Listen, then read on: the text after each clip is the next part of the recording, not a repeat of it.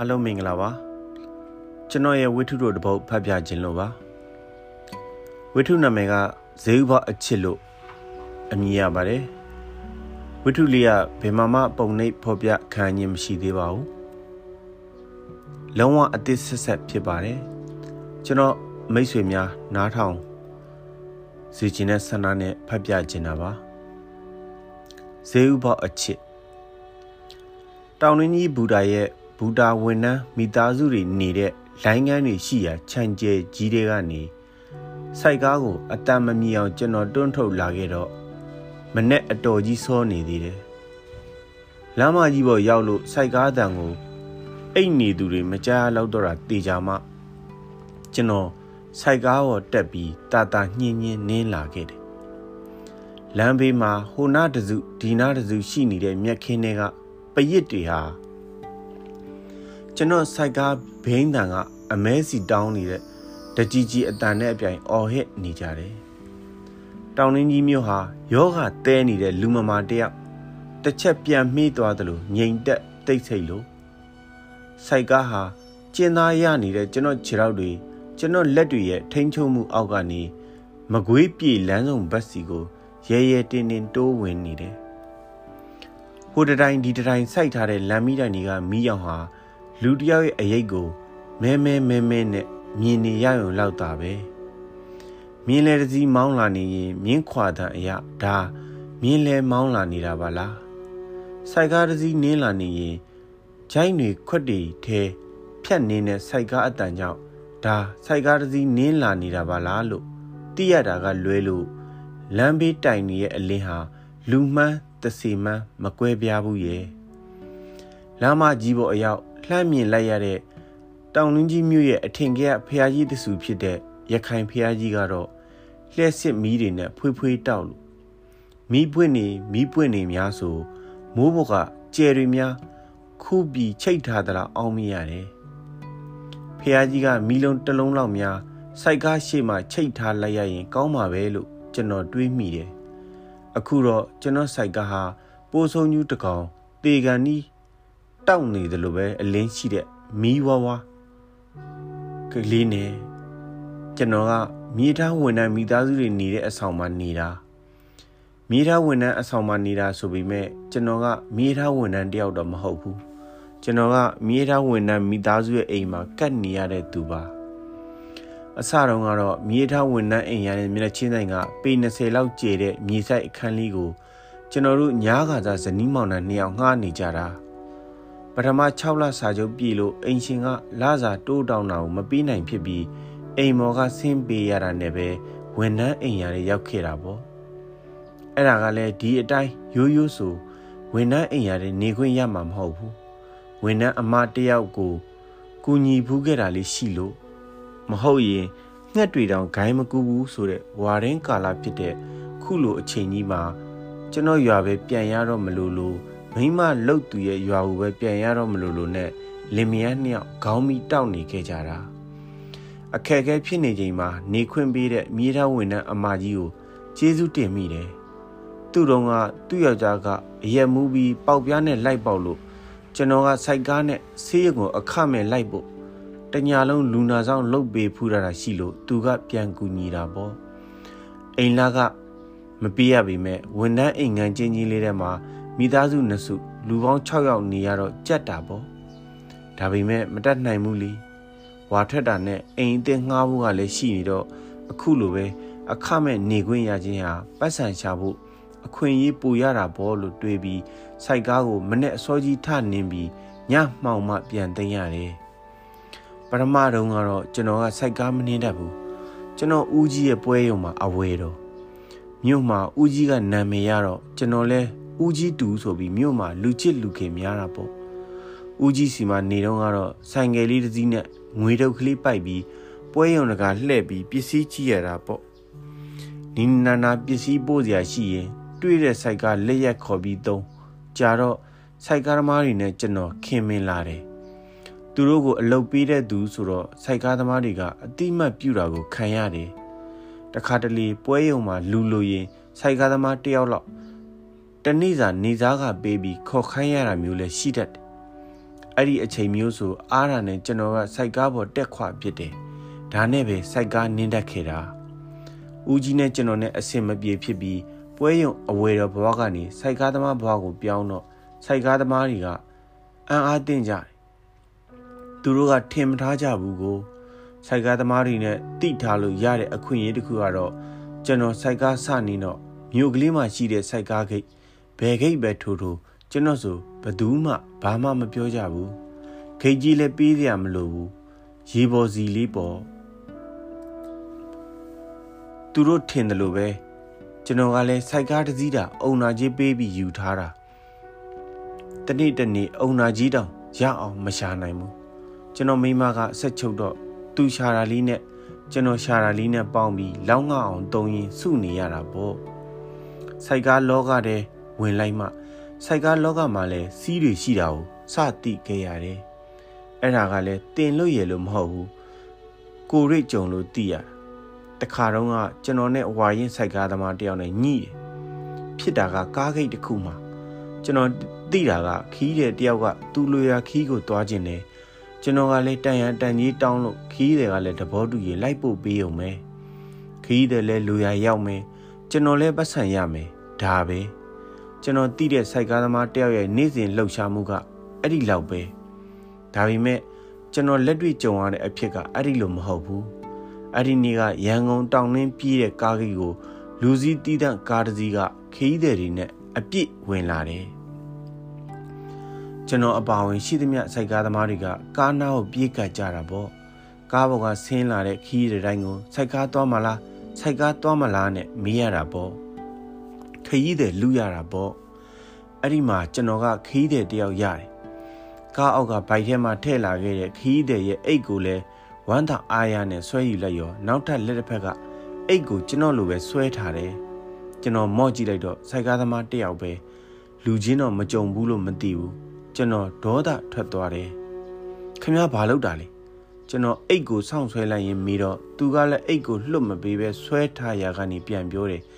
ဒါငါလူဟာ ကျွန်တော်သူ့ကိုတေချာကြည့်ရင်အနာကသူ့ဆိုင်ကားကိုကြည့်လိုက်တော့သူ့ဆိုင်ကားပေါ်မှာခီးတွေကနှစ်ယောက်တောင်ရှိနေနေပြီးသားခမရကလူရနေပြီပဲဘာလို့ကျွန်တော်လူကိုလာလို့နေရလဲကျွန်တော်ကအိတ်ကိုဆွဲလိုက်ရင်ပြောလဲပြောသူ့လက်ကိုလည်းပုတ်ထုတ်ပစ်လိုက်တယ်ငါကလူရပြီမဲ့နောက်တစ်စီးအတွက်ကွာသူကဖတ်ဆိုကျွန်တော်အနာကိုတိုးလာပြီးသူ့လက်ကမြောက်တက်လာတယ်ကျွန်တော်ကလည်းအစ်စ်မဲ့နောက်ကိုခြေတလန်းဆုပ်လိုက်ပြီးကျွန်တော်ညာလက်ကိုစက်ခနေမြှောက်လိုက်တယ် ဟဲ့အောင်ဘာဖြစ်တာလဲအဲ့ဒီအချိန်မှာပဲနောက်ထပ်ဆိုင်ကသမားတယောက်ကကျွန်တော်တို့အနာကိုတိုးလာပြီးသူ့လက်ကိုဖမ်းချုပ်လိုက်တယ်ဘာဖြစ်ရမလဲဒီကောင်ငါအကြောင်းမသိဘူးထင်တယ်လူလာလူနေတယ်သူကစိတ်ဆိုးဒေါရထွက်တဲ့လေတံနဲ့ပြန်ပြောလိုက်တော့လာတားတဲ့ဆိုင်ကသမားကနာမည်တစ်ခုကိုပြောလိုက်တယ်စိတ်ဆိုးဒေါရထွက်နေတဲ့ဆိုင်ကသမားဟာသူဖမ်းဆုပ်ထားတဲ့အိတ်ကိုလှုပ်ပြီးကျွန်တော်တို့တစ်ချက်ကြည့်ရင်ကျွန်တော်တို့အနာကနေထွက်သွားတယ်ကျွန်တော်တို့လာတားတဲ့ဆိုင်ကသမားက ကျွန်တော်ပွဲရင်အဝယ်တော်လှုပ်တုံးကအလုတ်ပေးခဲ့ဘူးသူဖြစ်နေတယ်။ဒါကြောင့်သူကဝင်တားလိုက်တာ။သူကပဲကျွန်တော်ခရီးတယ်သွားမဲ့နေရာကိုမေးဈေးတောင်းပေးပြီးသူလဲသူလန်းသူထွက်သွားတယ်။နောက်မှပြန်သိရတာကကျွန်တော်နဲ့ပြဿနာတက်တဲ့ဆိုင်ကားသမားကတောင်တွင်းကြီးဆိုင်ကားသမားလောကမှာဇိုးဆိုင်ကားပွဲစားသူ့နာမည်ကလက်ကွေးမင်းမင်းနဲ့သူ့ရဲ့ဘဲဘက်လက်ကလေးကမွေးရပါအကွေးလေးသူကစိုက်ကားသမားဆိုပေမဲ့ စိုက်ကားနင်းတာတဲ့ပွဲစားလောက်တာကများတယ်သူကလူစည်းတွေခေါ်ပေးတယ်တခြားစိုက်ကားသမားတွေကိုလူခေါ်ပေးတယ်စိုက်ကားကိုသူသူကတတ်မှတ်ပေးတယ်စိုက်ကားကထဲမှာသူ့အတွက်ပါထည့်တောင်းထားတာပေါ့တောင်းရခဲ့မဲ့ခီးတဲ့မျိုးဆိုသူကနင်းတဲ့သူရဲ့နောက်ကကယ်ရီယာခုံမှာထိုင်လိုက်ပြီးလူဟာရောက်လို့ခီးတဲ့ကဘလောက်ပေးရမလဲမေးမှစိုက်ကားကကိုမတန်တဆတောင်းယူတတ်တာမျိုးမပေးဘူးလားလာခမရတို့နေကျွန်တော်တို့တက်စီမယ် အဲ့ဒီလိုမကြီးခွဲတယ်အဲ့ဒီလောက်နဲ့မရဘူးလားစိုက်ကားဘေးတွဲမှာပင်မစပင်းကြားထဲမှာဝရင်တို့ထည့်ထားပြီးသားလွယ်လွယ်ပြောမရရင်ဝရင်တို့ကိုဆွဲထုတ်လိုက်တာပဲလက်ကွေးမင်းမင်းဆိုတာအဲ့ဒါလိုလူမျိုးကျွန်တော်ကံကောင်းသွားတယ်ပြောရမှာပေါ့စိုက်ကားနင်းစားမှဘူးမသိဘာမသိနဲ့ခေါင်းခွဲတော့မလို့ဂျားကဝင်သားတဲ့လူကကျွန်တော်ဦးကြီးနာမည်ပြောလိုက်လို့တက်တာသွားတာမဟုတ်ရင်ဝရင်ဒုက္စာမိရပေါ့ နောက်မှပြန်တွေးရင်ကျွန်တော်မှလက်နေမိတယ်နောက်ပိုင်းနေလဲကြာရောလက်ကွေးမင်းမင်းနဲ့ကျွန်တော်ကတကယ်မိတ်ဆွေရင်းနေလို့ဖြစ်သွားတယ်။ဂွင်ဖန်တဲ့နေရာတွေမှာလည်းအတူတူပြေးရလွှားရပြီဆိုလဲအတူတူပဲ။တောင်နှင်းကြီးရဲ့တခုသေးသောကန်တော်ကြီးကဟာသူနဲ့တွေ့မှတင်းမောစိတ်ဖြစ်သွားတယ်။ပေချောင်ပေချောင်နဲ့ဘယ်တော့မှမသိတဲ့ခရီးတဲ့ဆိုတင်းမောစိတ်သွားကျင်လာမိပြီးကန်တော်ကြီးကိုလိုက်ပို့လိုက်တာပဲ။ ယထာဘူတာမှာအိမ်ကလစ်ပြေးလာတဲ့ចောင်းသားလေးဘာလေးတွေ့ရင်ချော့ခေါ်ပြီးလက်ကျင်ခုံးဆိုတဲ့စစ်သားလက်ကျင်တက်ကိုတွားပို့ပြီးလိုက်တာပဲအဲ့ဒီလိုနေ့ဆိုကျွန်တော်တို့စိုက်ကားမနှင်းတော့ဘူးတက်ကလူသစ်ခေါ်လာလို့ပြီးတဲ့စံတအိတ်နဲ့ငွေတောင်းခွဲကိုယူပြီးအိမ်ပြန်နှက်နေလိုက်ကြရတာပဲတခါကြီးတော့လက်ကွေးမင်းမင်းနဲ့ကျွန်တော်အချီကြီးမိတယ်အချိန်ကမနက်၄နာရီလောက်ကြီးနေရာကယထာဘူတာမှာ ဘူတာတစ်ခုလုံးကခီးတဲ့အနှဲငယ်ဝန်ထမ်းအနှဲငယ်နဲ့စိုက်ကသမားအနှဲငယ်ကလွယ်လို့လူကအတော်ပါနေတဲ့အချိန်ပြင်မနာဘက်ကနေယထာတစည်းဆိုင်လာတယ်ယထာကကြောက်ယထာကြောက်တွေတင်ထားတဲ့အတွဲဆွဲလာတဲ့ယထာပေါ့မီးသွေးတို့ထင်းတို့လိုတရားမဝင်ပစ္စည်းတွေပါလာတတ်တဲ့ယထာမဟုတ်တော့ကျွန်တော်တို့နှစ်ယောက်လဲခီးတဲ့တောင်ထမကြုံမိဘူးစိုက်ကားပေါ်မှာကူရှင်တစ်ခုကိုထပ်ပြီးမှိတ်နေကြ အဲ့ဒီချိန်မှာပဲကျွန်တော်တို့ဂိတ်ထိုးထားတဲ့နေရာကိုလူတယောက်ကတ်လာတယ်ညီလေးတို့စိုက်ကားအားလား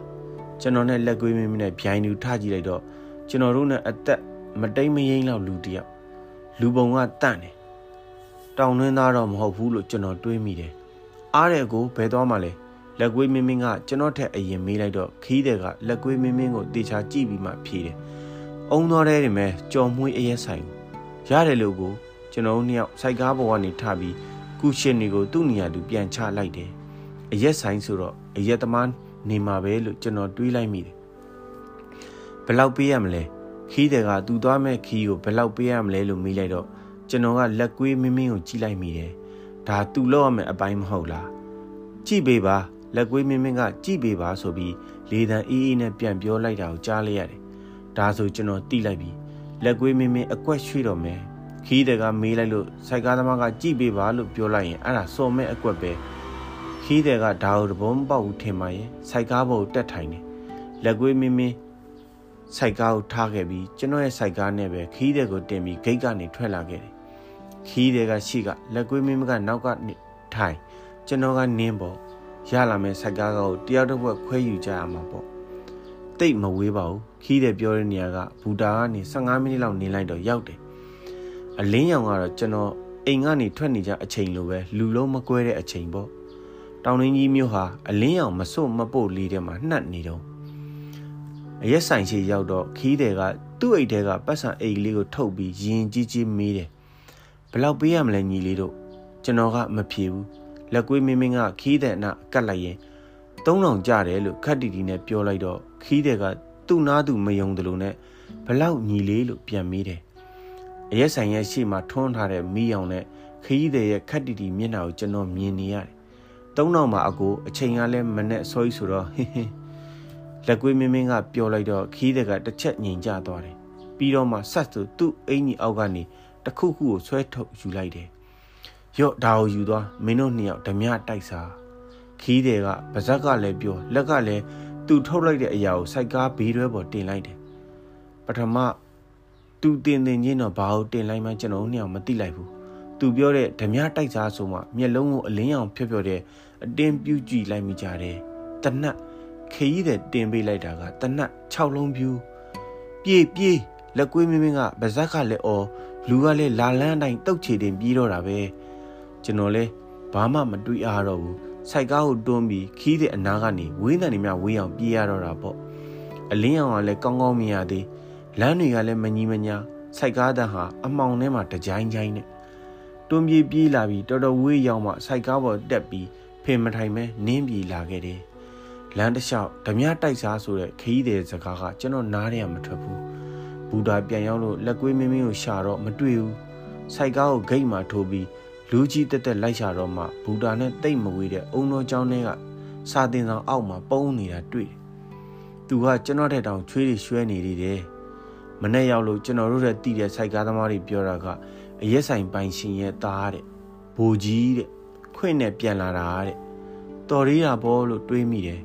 လက်ကွေးမင်းမင်းဟာလူမိုက်လိုလိုဘာလို့နဲ့ဓတကယ်လဲကြုံရောကြောက်တက်လိုက်တာလဲလွန်ပါရောလို့အဲ့ဒီနေ့ကကျွန်တော်သိလိုက်တယ်နောက်ပိုင်းကျတော့ကျွန်တော်လက်ကွေးမင်းမင်းကိုရှောင်နေခဲ့တော့တယ်သူနဲ့အတူတွဲလို့ရတာကပတ်စံတော်ရပါရဲ့မလုံတင်တာတွေလုံမိလာတယ်ဒါနဲ့ပဲကျွန်တော်ဟာ ကျွန်တော်နေတဲ့နေရာနဲ့နီးတဲ့မကွေးပြည်လမ်းဆုံးမှာပဲစိုက်ကားကိုကြောက်ချပြီးနေတော့တယ်မနေ့၄နာရီလောက်အင်အားထွက်တယ်ညနေမှောင်မှစိုက်ကားပြန်သိမ်းတယ်အချိန်ရှည်ပေမဲ့ပတ်စံတော့ရတာပဲလက်ကွေးမင်းမင်းနဲ့လန့်ခွဲပြီးကြတဲ့ကကျွန်တော်လဲနေ့ရှိသူအခုလိုပဲစောစောထွက်လာပြစ်နေတာပတ်စံရမှဖြစ်မယ်ဆိုတဲ့စိတ်ကကျွန်တော်ရင်ထဲအမြဲကိန်းအောင်လို့ပေါ့မကွေးပြည်လမ်းဆောင်ကိုကျွန်တော်ရောက်တော့ဂိတ်မှာစိုက်ကားတစ်စီးမှမရောက်သေးဘူး တယောက်တည်းမို့စိတ်ချလက်ချအေးအေးလူလူပဲထိုင်နေမိတယ်မကွေးကိုထွက်မဲ့ကားတွေဟာဒီနေရာလေးကနေစထွက်တယ်မကွေးကနေဝင်လာတတ်တဲ့ကားတွေကလည်းဒီနေရာလေးမှာပဲဂိတ်ဆုံးတာပေါ့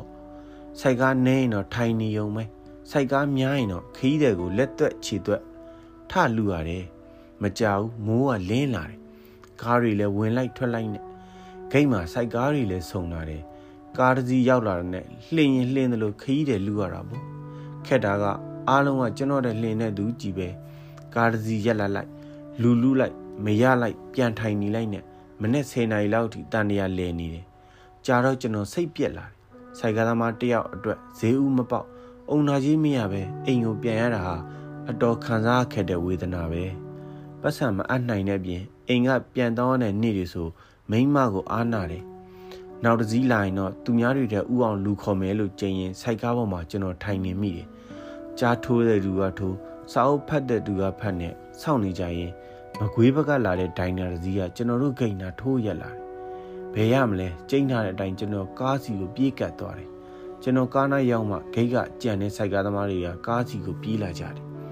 ဒါပေမဲ့သူတို့ဘယ်ရတော့မလဲကျွန်တော်ကဥသွားပြီလေကားမရက်ခင်ကလေးကကားနောက်မီးပေါ်ကိုကျွန်တော်ခုန်တက်လိုက်ပြီးကားထဲကိုတစ်ချက်ကြည့်လိုက်တော့ကားထဲမှာခီးတဲ့ကရှာရှာပါပါနှစ်ယောက်တည်းမိန်းကလေးနှစ်ယောက် ကျွန်တော်တေချာမကြည့်ပဲတီးလိုက်တယ်ဒါမကွေးတက်ကလူကနေကြောင်းဆင်းလို့ပြန်လာတဲ့ကြောင်းသူနှစ်ယောက်ပဲကျွန်တော်အတော်ပျော်သွားမိတယ်ကျောင်းသူတွေကစိုက်ကားကောက်ဘယ်တော့မှစစ်လေမရှိကြဘူးစိုက်ကားသွားမလားမေးလဲမေးလက်ကလည်းမိန်းကလေးနှစ်ယောက်အထက်ကိုဆွဲလိုက်တော့ကျွန်တော်နဲ့နီးတဲ့ကောင်မလေးကဖြေးတယ်သွားမယ်ဘယ်ကိုပို့ပေးရမလဲလို့ကျွန်တော်ကထပ်မိလိုက်တော့မြို့တစ်ကားကြီးတဲ့တိတာပေါ့မြို့တစ်ဆိုတာကျွန်တော်ဇာတိပဲကျွန်တော်ဝမ်းသာအားရနဲ့အိတ်ကိုယူပြီးကားပေါ်ကဆင်းလိုက်တော့ မိန်းကလေးနှစ်ယောက်ကလည်းကားပေါ်ကလိုက်ဆင်းလာတယ်ဈေးပေါက်ပြီးဆိုတဲ့စိတ်နဲ့ကျွန်တော်လှုပ်ပျော်နေမိတယ်ဟာကားပေါ်ကဆင်းလာတဲ့အကြောင်းလူနှစ်ယောက်ထဲကနောက်ကမိန်းကလေးကိုကျွန်တော်တေးသေးချာချာမြင်လဲရပြီးကျွန်တော်ဟာကနေဖြစ်သွားမိတယ်။ "तू तू ပဲကျွန်တော်တကူလုံးတုံဆင်းသွားတယ်။လက်ထဲကအိတ်ကိုအနားနီးရဲ့စိုက်ကားသမားလက်ထဲထိုးထက်ပေးလိုက်မိတယ်။အိတ်ပေးခံရတဲ့စိုက်ကားသမားကဒီကောင်ယူသွားပြီလားဆိုတဲ့မျက်လုံးနဲ့ကျွန်တော်ကိုကြည့်လို့မတတ်နိုင်ဘူးလေကျွန်တော်ကားနဲ့ ဝေးနိုင်နေမြဝေးအောင်ကြောခိုင်းပစ်လိုက်တယ်။ကားကိုလှဲ့တောင်မကြည့်တော့ဘူး။ခီးတဲ့မိန်းကလေးနှစ်ယောက်ကိုလည်းကျွန်တော်လုံးဝလှဲ့မကြည့်ပြတော့ဘူး။ကျွန်တော်ရင်တွေတလက်လက်လှက်လက်နဲ့ဖြစ်နေတယ်အချစ်ဦးအချစ်ဦးကြောင်းတော့ကငယ်ချစ်ဦးကားပေါ်ကဆင်းလာတဲ့မိန်းကလေးနှစ်ယောက်ထဲကတယောက်ဟာအထက်တန်းကျောင်းသားဘွားတော်ကကျွန်တော်ရဲ့အချစ်ဦးအိုးဖူးဖူးရွယ်ရွယ်ငယ်ငယ်နုနုဖူးသစ္စာအရွယ်ယူခဲ့ကြဘူးတဲ့ပေါ့ နင်စစ်ဖို့ကြီးဖြစ်အောင်လုပ်တော့ငါကဘူကတော့လှုပ်ချင်တာကျွန်တော်နားရဲပြန်ကြားမိတဲ့သူစကားပေါ့ကျွန်တော်မဖြစ်ချင်တာကိုသူကဖြစ်ချင်ကျွန်တော်မပေးနိုင်တာကိုသူကလူချင်းနှစ်ယောက်အတူလျှောက်ရင်းလမ်းညင်းမတူတာနဲ့သူနဲ့ကျွန်တော်လူချင်းဝေးခဲ့ကြတယ်အခုလိုထင်မှတ်မထားတဲ့အနေထားနဲ့ပြန်ဆောင်လိုက်ရတော့ရှက်တာရောအံ့ဩတာရောအပြင်တခြားဘာမှမသိတဲ့စိတ်တွေဟာကျွန်တော်ခန္ဓာကိုယ်တစ်ခုလုံးမှာဓာတ်လိုက်တယ်လို့လျှက်ပြက်တယ်လို့စီးနေတယ် စိတ်ကားခိတ်နဲ့တော်တော်ဝေးရောက်တဲ့အထိရွယ်ချက်မဲ့ကျွန်တော်ရှောက်သွားနေမိတယ်ကားလဲဂိတ်နားကထွက်သွားသူတို့နှစ်ယောက်လဲဂိတ်ကစိုက်ကားနဲ့ကျွန်တော်တို့ဂိတ်နားကနေဝေးကွာသွားတော့မှကျွန်တော်စိုက်ကားဂိတ်စီပြန်လှည့်လာခဲ့မိတယ်စိုက်ကားဂိတ်ကိုပြန်ရောက်တဲ့အထိအမူအရာတွေပြည့်ရွှင်းနေတဲ့ကျွန်တော်မျက်နှာကိုဘယ်နားသွားဖွက်ထားမှမသိခဲ့ဘူးညီလေးဘလို့ဖြစ်လို့မင်းရတဲ့လူကြီးကိုသူများကိုပေးလိုက်တာလဲဈေးဦးလည်းမပေါက်သေးပဲနဲ့ ကျွန်တော်စိုက်ကားဘေးနားမှာရှင်ရက်ထားတဲ့စိုက်ကားသမားဦးလေးကြီးကမယုံနိုင်တဲ့လေတံနဲ့မေးလိုက်တော့ကျွန်တော်ဘာပြန်ဖြေလဲမှမသိဘူးကျွန်တော်ရင်တွေတုံတယ်လို့လို့ခုန်တယ်လို့လို့ဖြစ်နေတယ်။သူကျွန်တော်မှတ်မိသွားခဲ့လား။ကျွန်တော်တေချာမသိဘူး။မှတ်မိသွားခဲ့ရင်ရောသူဘယ်လိုခံစားရမှာပါလဲ။ကျွန်တော်လိုရင်ခုန်နာမှရင်တုံနာမှမတည်ကြတဲ့ခံစားချက်မျိုးသူ့မှာဖြစ်ပါအောင်မလားဒါလဲကျွန်တော်တေချာမသိပြန်ဘူး တေချာတာကတော့အဲ့ဒီနေ့ကကျွန်တော်ဈေးဥမပေါက်ခဲ့ဘူးလူခါဖြစ်ပါတယ်အားလုံးကျေးဇူးတင်ပါတယ်